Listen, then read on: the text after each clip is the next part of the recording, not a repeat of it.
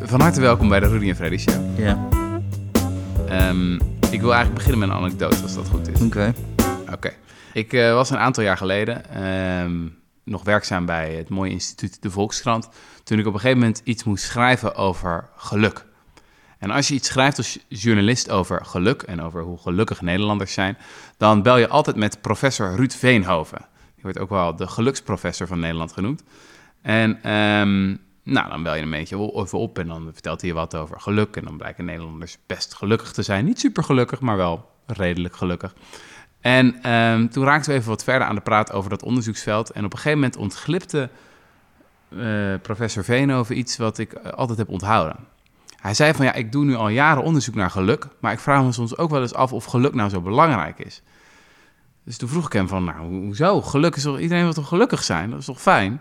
Nou, hoe, hoe- hoezo is dat nou niet belangrijk? Toen zei hij, nou, weet je wat het is? Wat wij ook zien in ons onderzoeksveld, de psychologie en de sociologie, is dat mensen voortdurend systematisch keuzes maken, waarvan al het onderzoek in alle landen overal uitwijst dat we daar structureel ongelukkig van worden. En toch doen we het. Ehm, dus daarom denk ik van, ja, misschien vinden mensen geluk gewoon niet zo belangrijk. En toen zei ik van, nou, maar professor Veenhoven, wat kan dat nou zijn? Wat kunnen mensen nou doen dat ze zo structureel ongelukkig maakt? Toen zeiden ja, kinderen krijgen. nou, dat is het thema van de podcast eh, van vandaag. Eh, in, de, in de studio zit Lin Berger, al heel lang een geweldige collega van ons, eh, van ons allebei. Ehm, Lin heeft net een boek geschreven, de tweede.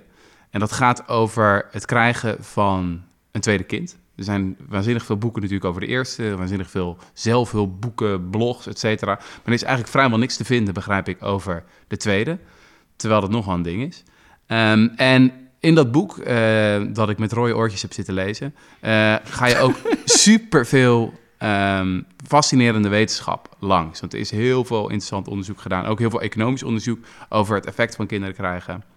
Eh, over het effect op jezelf, of je nou vrolijk van ja, wordt, ja of nee. En ook specifiek de tweede. Superveel dingen die je debunkt, superveel dingen die je, eh, die, die je mensen geruststelt.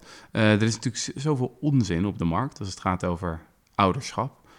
Dus ik vond het echt een geweldig boek. Bij deze dus een aanbeveling van de Rudy en Freddy Show. Ehm, maar misschien het eerste wat, wat leuk is om in te duiken... is, dat, is gewoon die hele simpele vraag van van hoe, hoe verklaren we dat, dat mysterie van, van professor Veenhoven? Ehm, zeg maar, kinderen maken ongelukkig. Dan is één maakt je ongelukkig. En dan ook nog eens een tweede.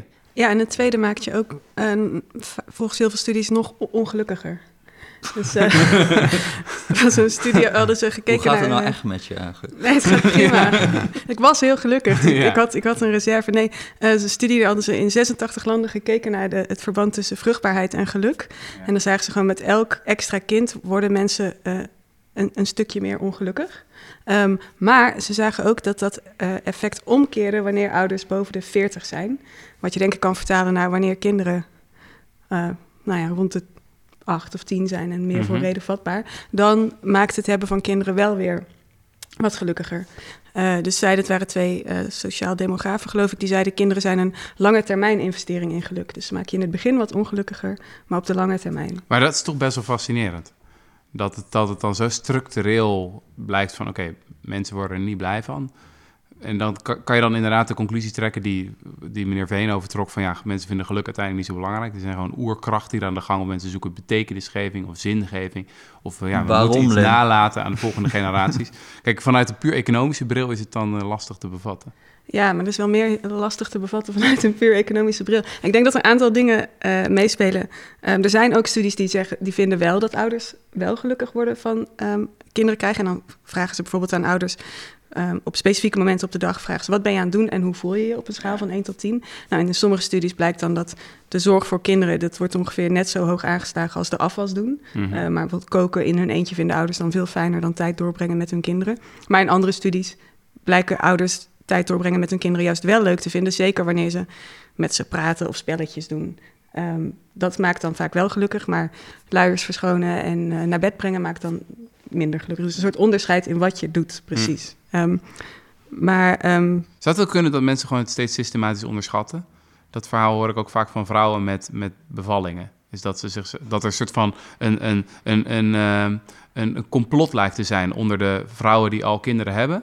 Dat ze dat niet vertellen aan de vrouwen die nog geen kinderen hebben. Ja. over hoe afschuwelijk en verschrikkelijk en ellendig het is. Ja, dat is... eh, Dat, jij- en dat jij het dan gebeurt eh, het en dan, eh, dat je dan zoiets hebt van, holy shit. Ja, het is nog veel erger dan ik dacht. Nou ja, jij noemt het een complot. Ik haal in mijn boek eigenlijk eh, Rachel Cusk aan, Britse schrijfster, die, die vermoedt dat eh, vrouwen een Darwinistische kurk hebben op hun vermogen om eh, de waarheid van het moederschap uit te drukken aan andere vrouwen.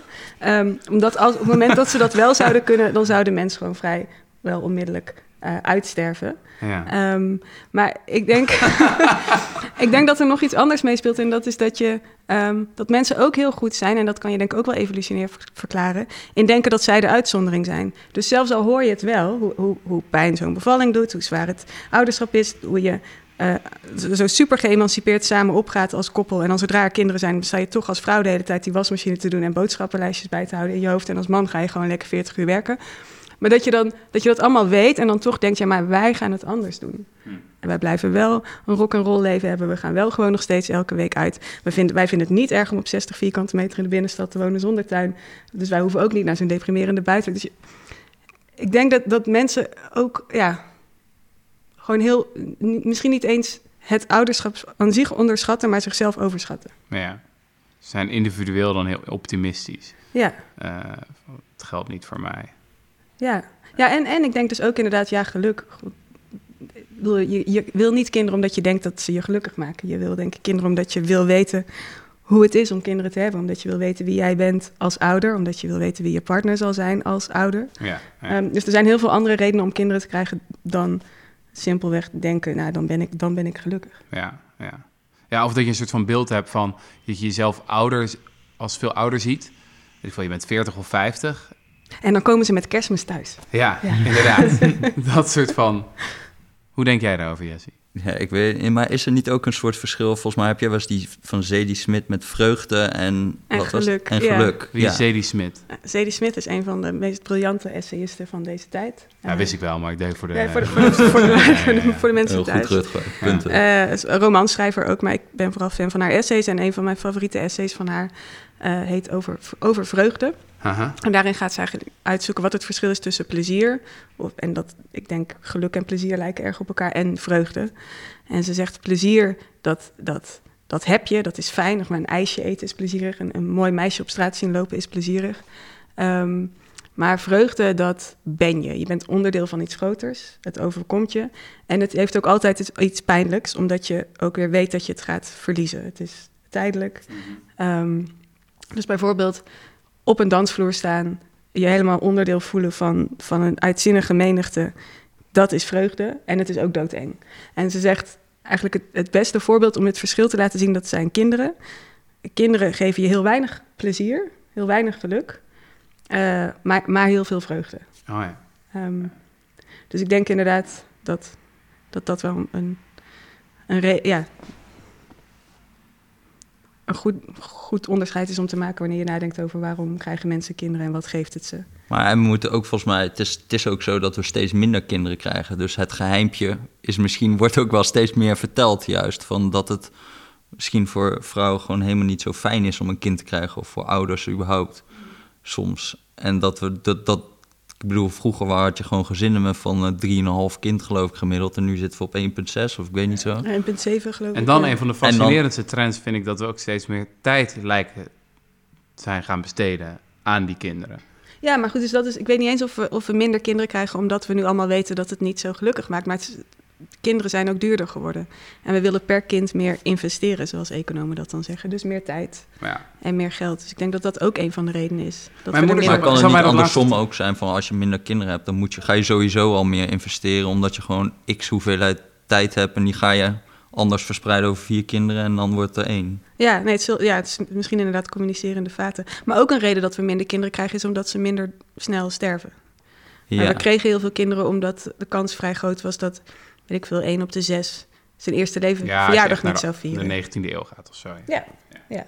En het is vanaf daar best wel snel naar beneden Ja, gegaan. ja, maar ten opzichte van de jaren 70 of zo krijgen we ook alweer minder kinderen, toch? Of jaren 60, 50.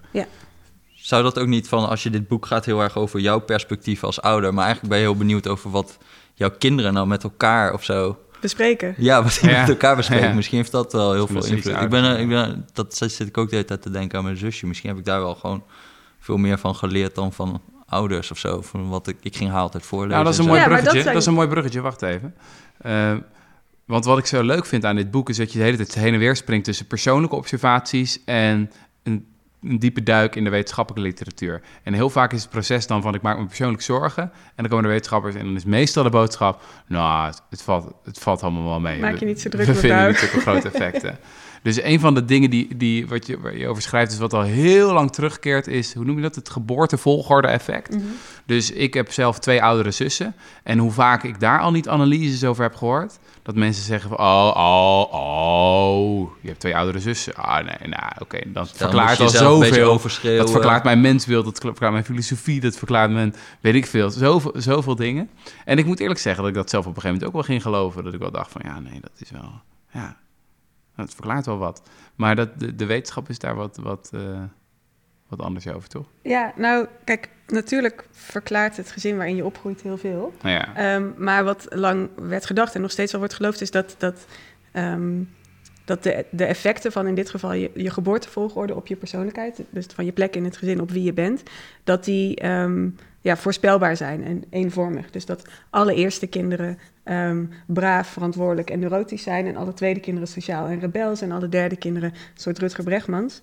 Ehm, wat is dat eigenlijk? Nou, laten we niet over hebben. ja. En eh, daarvan zeggen nu de, in, in de meest recente studies, waarbij ze dan hele grote groepen eh, kinderen met elkaar vergelijken, eerste kinderen, tweede kinderen, zeggen ze ja, we vinden gewoon geen bewijs dat je plek in het gezin je persoonlijkheid bepaalt. Ehm, dan kun je dan een paar, ding, paar kanttekeningen bij plaatsen. Namelijk, A, de wetenschap heeft de neiging zichzelf in te halen. Dus grote kans dat er straks iemand met nog geavanceerdere methoden, met nog grotere dataset komt en zegt: Maar wij vinden wel een statistisch significant verschil. Ehm, en ehm, nou ja, goed, de, de definitie van persoonlijkheid die, wordt dan, die gehanteerd wordt, dat zijn dan die vijf, de big five Mhm. karaktereigenschappen. Ehm, Wat is dat? De Big Five? ja, het is, eh, Openheid, nog iets, nog iets. nog- ik weet niet. openheid, eh, braafheid, extraversie, aardigheid en neuro, neurotischheid. Oké. Oh. Neuroticisme. Dat zijn volgens psychologen de grote... Persoonlijkheidskenmerken. En Ja. je je dan, zomaar eh, Oh, ja. nee, daar heb je dan meer of minder van en dat is dan je persoonlijkheid. Nou, Ah. goed, en daarvan zeggen ze nu, je kan niet zeggen eerste kinderen scoren standaard hoog op, op de ene en tweede kinderen Oh, scoren ja, ja, standaard ja, hoog op de andere. Maar, ehm, kijk, binnen een gezin krijgen verschillende kinderen natuurlijk wel vaak een beetje verschillende rollen toebedeeld. En die zijn vaak wel vergelijkbaar tussen gezinnen. Dus ik zie dat bij ons thuis. Als mijn dochter is de oudste en mijn zoon is de jongste. Als die ruzie hebben, dan spreek ik eerder mijn dochter aan op haar verantwoordelijkheid. En dan zeg Ja. ik, joh, geef dat speeltje nou aan hem. Hij is nog klein, hij snapt het niet, eh, trek het je niet aan. Dus ehm, het is niet heel gek dat dat soort stereotypen... ehm, dat die voor heel veel mensen zo waar lijken. Omdat je binnen een gezin inderdaad vaak wel een be- bepaalde rollen hebt... Die, die daarbij passen. Alleen zegt het niet zoveel over hoe je vervolgens buiten dat gezin... eh, met je vrienden bent. En wanneer gaan ze dan die persoonlijkheidstest afnemen? Is dat zeg maar 20, 30 jaar later? Of is het... Nee, meestal als ze op school... eh, het zijn meestal scholieren. Oké, dus als ze gewoon al... Dus als ze op de basisschool al, zeg maar. Ja. Ah ja, oké. Nou, dan zou je... Ja. Oké, dat is wel verbazingwekkend. Ja, het is wel wonderlijk. Je zou eigenlijk wel wat verwachten, toch? Het is- Wel lijkt, iets, ja. intuïtief is het en heel, iets heel bepalends of je de eerste bent. Of, heb Nou, je ook geen ja. andere effecten op, weet ik veel, op eh, hoe, Nee, hoe je het scoort op testen of zo? Of op je inkomen later, of je IQ? Ja, ja nee, dus, dus dit zijn de, de, de persoonlijkheidspsychologen. En die zeggen nu, natuurlijk heeft het gezin waarin je opgroeit effect op wie je wordt. Alleen wij kunnen niet, het is geen wet van mede en persen. Nee. Ehm, maar er zijn ook allemaal andere wetenschappers die kijken naar het effect van geboortevolgorde op wie je bent. eh, waaronder eh, epidemiologen en ook economen. En economen die willen dan natuurlijk weten, eh, wat maakt iemand succesvol? Dus dan wordt, eh, Uitgedrukt in geld. Uitgedrukt in geld of. IQ-scores want dat, de- en, en andere testscores, want dat vertaalt zich vaak naar geld. En die, die vinden wel vrij consistent verschillen. Ehm, namelijk dat de eerste gemiddeld een iets hoger IQ heeft dan de tweede, ook wat langer studeert meestal. En, ehm, ja, en, en beter scoort op cognitieve vaardigheden. Eh, dat soort testjes die ze dan doen met, met peuters al. Ehm, en daarvoor is de, zijn dan een aantal verklaringen die elkaar ook allemaal niet uitsluiten. Maar waaronder eh, dat als je als eerste kind krijg je de eerste paar jaar van je leven alle aandacht van, van je ouders en interacteer je vooral met volwassenen. En die zijn een stuk cognitief stimulerender dan, ehm, peuters en kleuters. En dat is waar je als tweede kind van begin af aan veel mee van doen hebt. Ehm, en ook lijkt het erop dat ouders bij hun tweede kind minder tijd besteden aan voorlezen en blokjes stapelen en vormpjes en kleurtjes en dat soort dingen oefenen dan ze met hun eerste hebben gedaan. Want die zijn er dan een beetje klaar mee. Ja, die hebben gewoon nog een keer. Ja, het is gewoon Die tijd. nog een keer boekjes Ja, en ik ben dan nog ergens een beetje... Ik kan me best voorstellen dat een eerste kind dan hoger scoort op een IQ-test of zo. Wat is het, drie punten of zo? Ja, dus dat is niks, hè? En Ja, gemiddeld is ook nog. Dus, Ja. Drie punten is niks? Nee, volgens mij, is, ik- volgens mij is dat één jaar extra school of zo. Of bij wijze van spreken. ja, je merkt het eigenlijk alleen op een IQ-test. Dat is Ja, een beetje- precies. ja, ja, ja. ja. Ja, en dan is het natuurlijk... IQ is nog een bepaalde manier om intelligentie te meten... Mhm. waar heel veel mensen heel veel twijfels bij hebben. Als, Ja. ik, als ik even mijn anarchistische wereldbeeld hierbij kan betrekken... ik zou zeggen, misschien wordt het tweede kind wel wat meer met rust gelaten... en kan het een beetje zelf spelen, een beetje ontdekken... Dat is een andere vorm van leren, waardoor je misschien niet op de IQ-test heel gaat scoren. Mhm. Maar laten we zeggen, in mijn wereldbeeld is het vaak goed om, zou het goed zijn om kinderen met rust te laten, want dan leren ze niet in de, ja, binnen de kaders kleuren of binnen de lijntjes, Eh, maar leren ze wel andere dingen die misschien minder goed te testen zijn. Maar nou ja, ik ben zelf dus bijvoorbeeld het derde kind, dus ik zou denk ik heel laag scoren op een IQ-test. Maar bepaalde vorm Is van dat eigenlijk ook zo dat hoe, meer, hoe verder je dan komt van tweede, oké, dit boek is dan de tweede, maar de derde, de vierde, de vijfde, die hebben gewoon progressief Steeds nog dommer erger worden. je last van? Of, eh, Ehm, bij, bij IQ weet ik niet. Ik weet wel dat er ook een verband is tussen lichaamslengte en geboortevolgorde. Dus de eerste is altijd ietsje, gemiddeld ietsje langer dan de tweede. En de tweede is ook weer gemiddeld langer dan de derde en de derde. Dus dat, een lengte is meestal een proxy voor gezondheid Ja. of zo, toch? ja, en levensverwachting. Voor le Oké, ja, ja. En waarom? Dat is wel grappig. Ja, dat verschil in lichaamslengte wordt eh, verklaard doordat ehm eh, ouders hun tweede kind vaak eerder junkfood laten eten dan ze met hun eerste kind hebben gedaan. Dat je gewoon lakse Eh, ouders ja, wanneer de tweede ziek is, bellen ze minder snel de dokter. Eh, en ik- uit sommige studies kwam ook naar voren dat twe- eh, tweede kinderen minder vaak al hun vaccinaties krijgen eh, dan, eh, dan eerste Vergeten. kinderen. Dus gooi er gewoon met Ja, de naar. vergeten. Ja, nou ja, gewoon er is. kijk, je kan het op twee manieren eh, uit- uitleggen. De ene is ouders hebben minder tijd, minder energie, dus ze vergeten die dingen. Ja. Je kan ook zeggen ouders zijn relaxter, zijn minder angstig, minder perfectionistisch de tweede Ja. keer.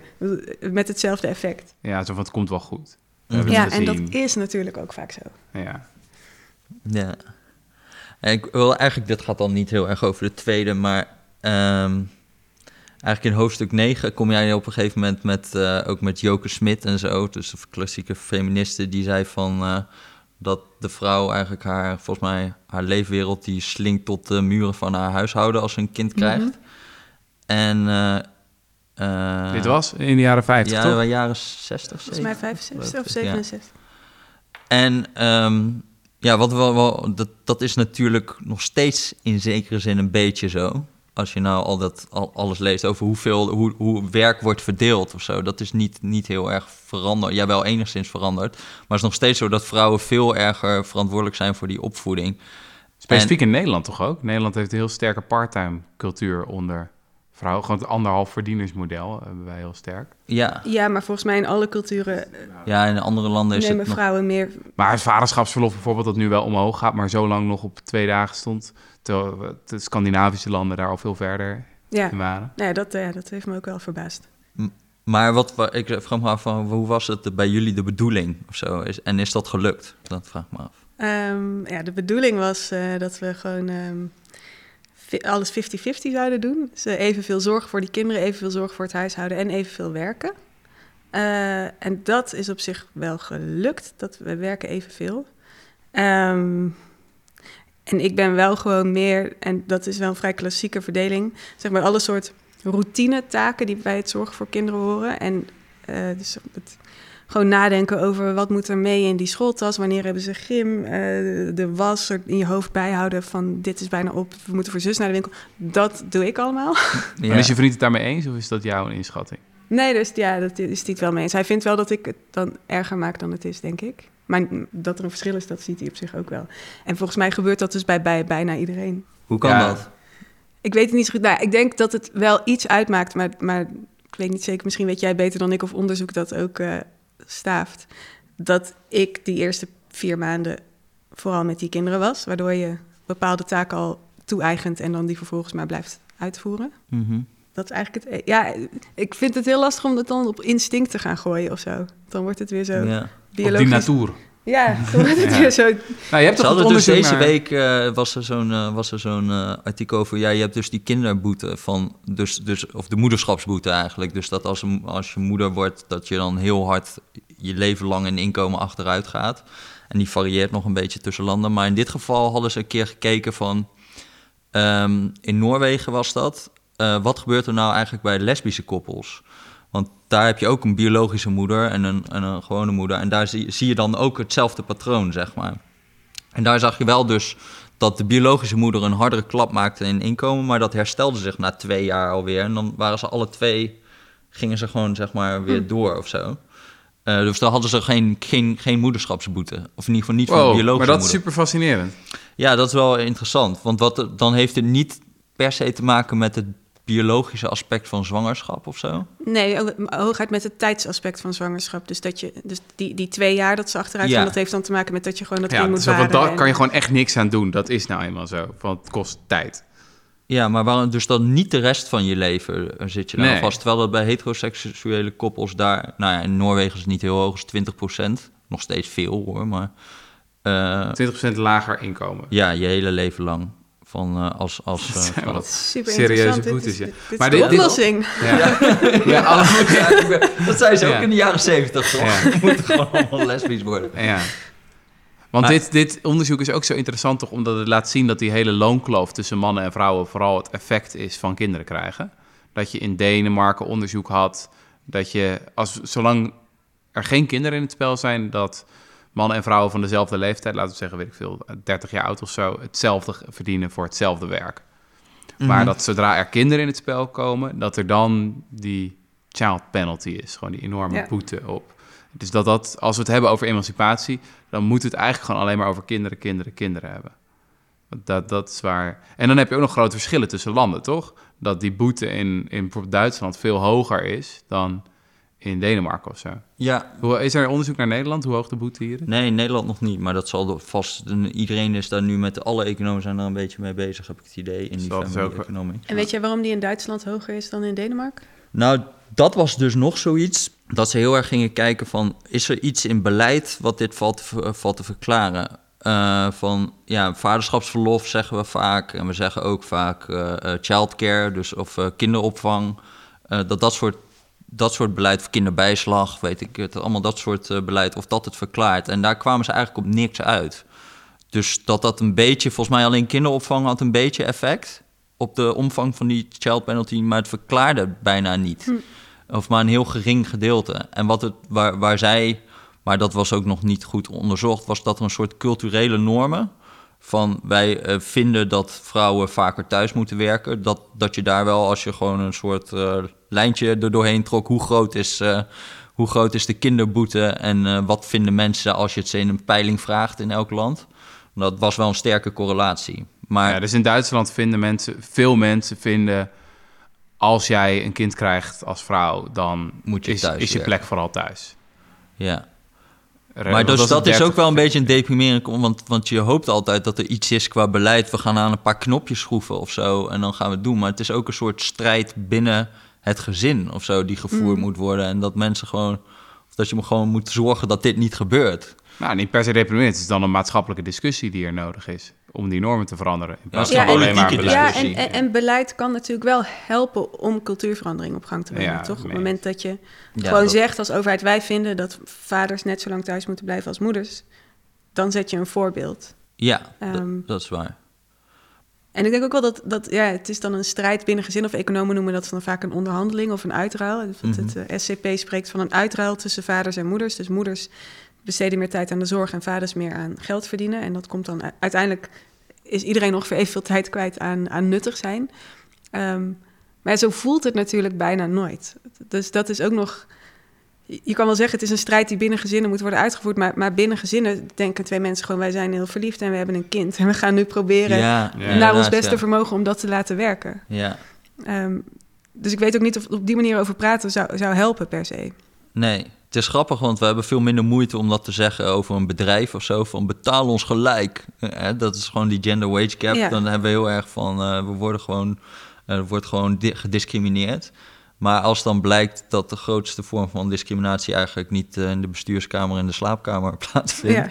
dan is het heel moeilijk om daarover te praten. Of dat, Ja, nee, en het komt denk ik omdat we een heel romantisch idee hebben van wat dan een gezin is. Ik vroeg, vroeger waren gezinnen natuurlijk wel een soort economische eenheden of zo. Soort, je hebt een soort verstandshuwelijk. We hebben samen die boerderij, we hebben samen zoveel kinderen, die gaan straks helpen op die boerderij. Het is een soort bedrijfje. ja, Maar dan komt, je, komt de 18e eeuw met zijn romantiek en het is allemaal liefde en vreugde en dat is het allemaal fout vervoering. gegaan. Ja, ja. Nee, dat helpt niet. Zeg maar, als je dat, dat zo inprent, om dan vervolgens zo zakelijk te gaan kijken Ja, eh, naar iets waar je allemaal gevoelens bij hebt. We hebben ja gewoon grappig, in de economie niet echt plaats voor gevoel.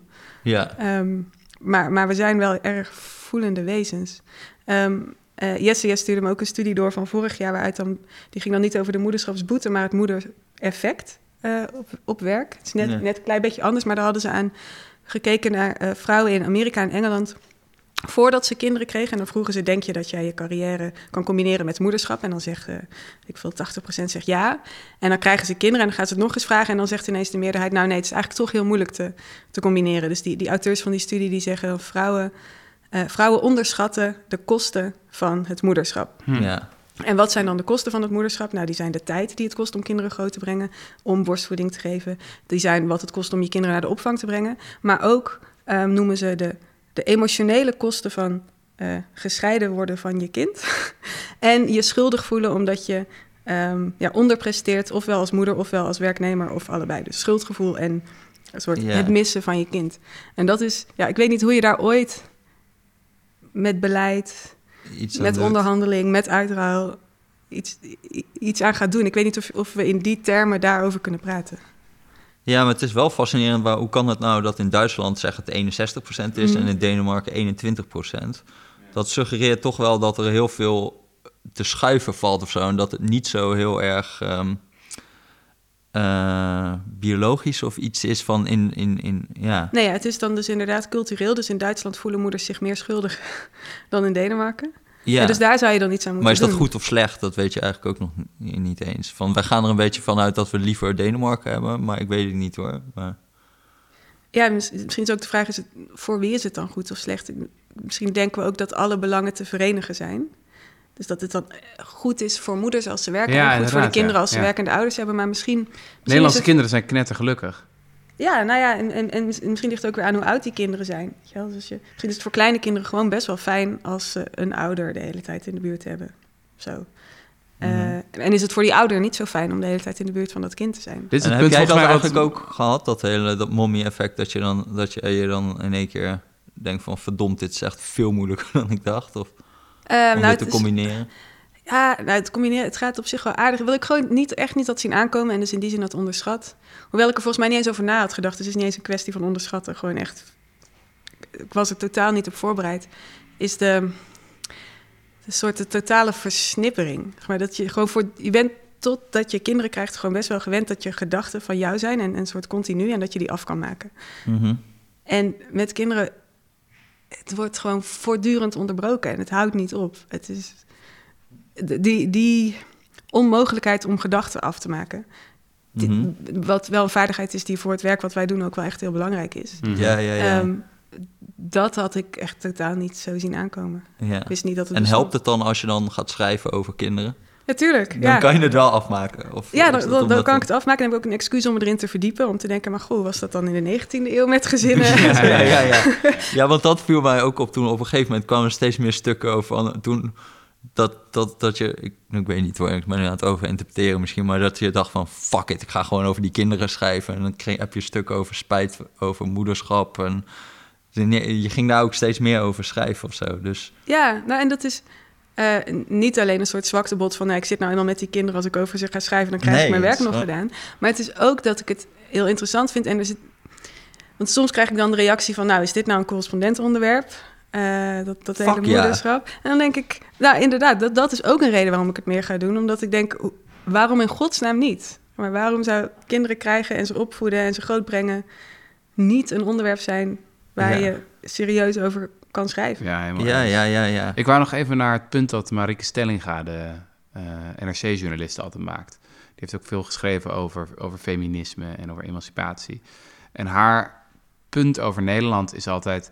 Nederlandse kinderen zijn gelukkig, Nederlandse vrouwen zijn gelukkig. Ze zijn eigenlijk best wel tevreden. Ze vinden dit gewoon een fijn leven. Drie dagen werk in de week, een beetje op die bakfiets rondtoeren. eh, lekker met die kinderen, die zijn blij.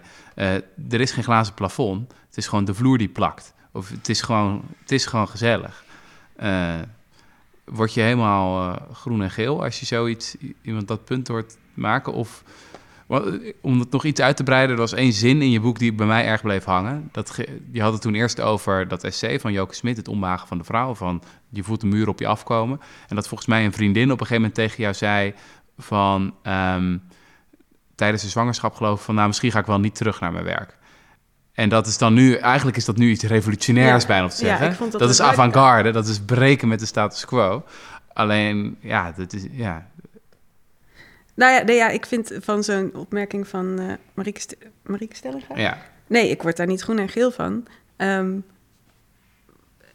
ik denk dat het ook zo is voor veel, voor veel vrouwen. Maar er is natuurlijk, wat er dan tegenin wordt gebracht... is dat vrouwen dan daardoor niet financieel onafhankelijk zijn. ja. En dus dat op het moment dat die mannen bij ze weggaan... wat natuurlijk ook, of zij bij hun man weggaan... wat ook steeds vaker gebeurt, dan zitten ze in de, in de problemen. Ja. En een ander argument wat vaak wordt gemaakt is... maar de maatschappij heeft geïnvesteerd in die vrouwen. Ze hebben allemaal die hoge opleidingen gedaan... en nu gaan ze drie dagen in de week op de bank zitten. Dat is zonde van die investering. Ehm, nou, en dat eerste, van, dan ben je niet financieel onafhankelijk. Ik denk, ja, dat is dan inderdaad een probleem. Maar basisinkomen. en het is zonde van die investering. Dan denk ik weer, ja, dan kijk je weer puur met die economische bril... van wat hebben we erin gestopt en wat komt eruit in termen van geld. Maar misschien heeft zo'n vrouw wel heel erg veel geleerd. Ehm, niet alleen vaardigheden die nuttig zijn in een baan... maar vaardigheden die nuttig zijn in een leven... tijdens het doen van die hoge opleiding. Eh, die ook haar kinderen weer ten goede komen. Dus ik begrijp wel de tegenargumenten, maar ik weet niet of, ze, of het de juiste tegenargumenten zijn. Ja, je komt al meteen überhaupt in een hele discussie terecht over wat de waarde is precies van een diploma waar we het vorige podcast nog over hadden. Ja. Ja. En wanneer voeg je denk, heel veel mensen doen toch ander werk dan waarvoor ze opgeleid Ja. zijn uiteindelijk. Dus whatever, als we dat zo... Maar misschien is het lastigste gewoon dat je niet echt zoiets algemeens kan zeggen. Ik denk dat er heel Ja. veel vrouwen zijn die drie dagen in de week werken, die het, het allemaal prima vinden. En dat er ook vrouwen zijn die drie dagen in de week werken en die die twee dagen die ze met hun kinderen doorbrengen, doodongelukkig zijn. Maar het gevoel hebben dat ze dat nou eenmaal moeten doen, anders voelen ze zich schuldig. Dus ik- je kan ook, denk ik, niet echt generaliseren. Ja. Misschien moet er ook gewoon Maar- meer diversiteit in die hele discussie Mhm. komen.